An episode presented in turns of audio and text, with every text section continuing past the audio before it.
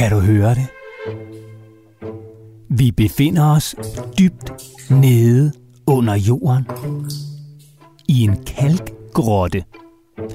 Hele 60 meter under jordens overflade. Vi er i Dagbjerg Kalkgruber, der ligger i Jylland, ikke langt fra Viborg. Og det er hernede, i mørket under jorden, at fortællingen om Jens Langkniv begynder.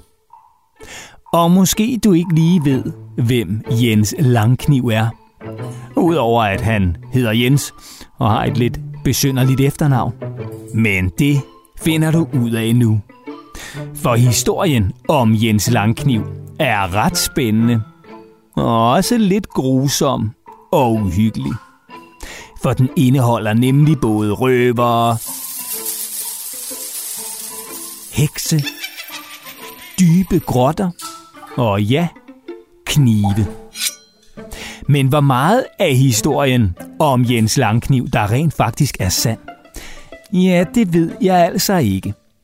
For sådan er det ofte med gamle danske fortællinger, der har flere hundrede år på bagen. Man ved ikke altid med sikkerhed, hvad der er rigtigt, og hvad der er en røver. Men historien er ret spændende. Så sæt dig godt til rette, så får du fortællingen om Jens Langkniv og de mørke grotter i Dagbjerg Kalkgruber. Jens Langkniv levede for mere end 400 år siden. Altså dengang der hverken fandtes frysepizza og koldskål julekalender i tv, eller sågar et tv at se julekalender på. Øh, så det var altså i meget gamle dage. Og Jens Langkniv, ja han var, som du måske allerede har regnet ud, ikke dybt Langkniv. Hans rigtige efternavn var Olesen. Og hvordan fik Jens Olesen så navnet Jens Langkniv? Ja, det skal jeg nok fortælle dig om lidt. Men vi begynder ved begyndelsen. Jens han voksede op på sin fattige mor, hvor han blandt andet hjalp med at skaffe mad ved at begå krybskytteri. Altså at gå ulovligt på jagt og skyde dyr i de kongelige skove. For Jens var lidt af en lømmel. Men altså sådan en, der ikke helt holder sig til love og regler. Og middagsmad, ja, det var altså ikke det eneste Jens han jagtede. Han jagtede også damer. Jens kæreste hed Laura Mikkelsdatter, og hun var datter af en skolelærer, der hed... Ja, du får et gæt. Mikkel. Dengang var det nemlig ret almindeligt, at man tog efternavn efter sin fars fornavn. Så hed ens far Mikkel, og var man pige, ja, så kom man tit og ofte til at hedde Mikkelsdatter. Så kan du selv lige prøve at tænke over, hvad du ville hedde til efternavn, hvis du havde levet for 400 år siden.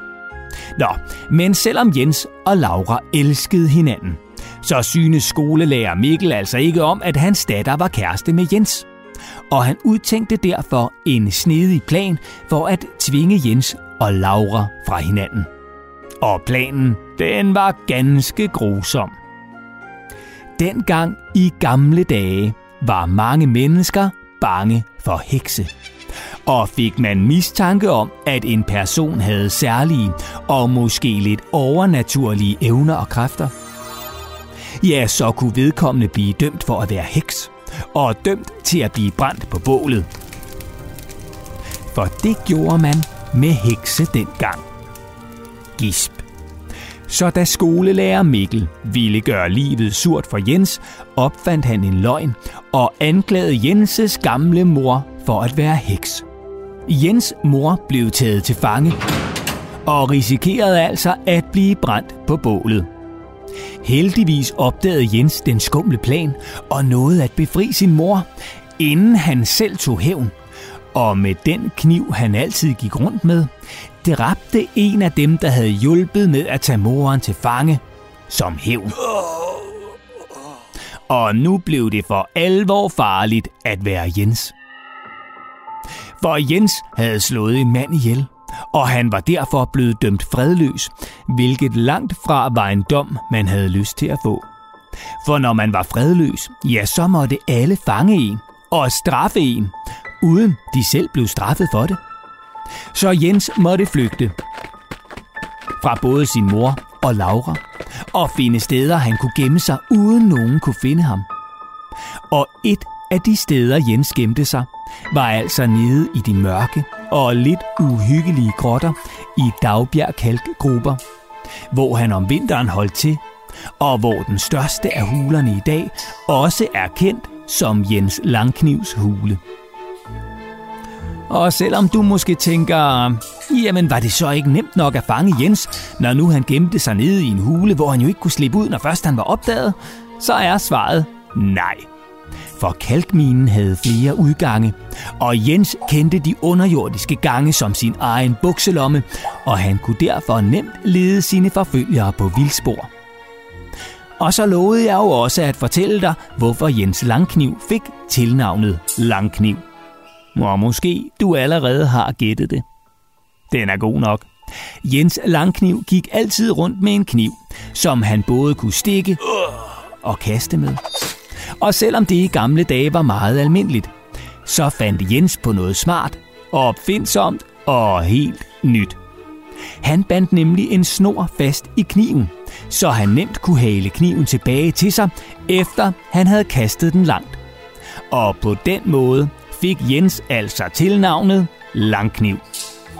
Jens Langkniv lever ikke længere, men det gør historien om ham. Ligesom det også den dag i dag er muligt at besøge Dagbjerg Kalkgrupper og se den hule 60 meter under jorden, som Jens Langkniv brugte som sit skjulested. Så hvis du og familien besøger Dagbjerg Kalkgrupper, kan du jo prøve at forestille dig, hvordan det ville være at leve og bo 60 meter under jorden i de kolde og mørke gange.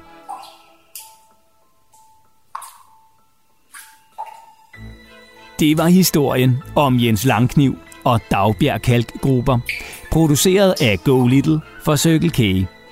Og vil du høre flere spændende og lidt hemmelige historier fra rundt omkring i Danmark, så kan du finde flere fortællinger i din foretrukne podcast-app.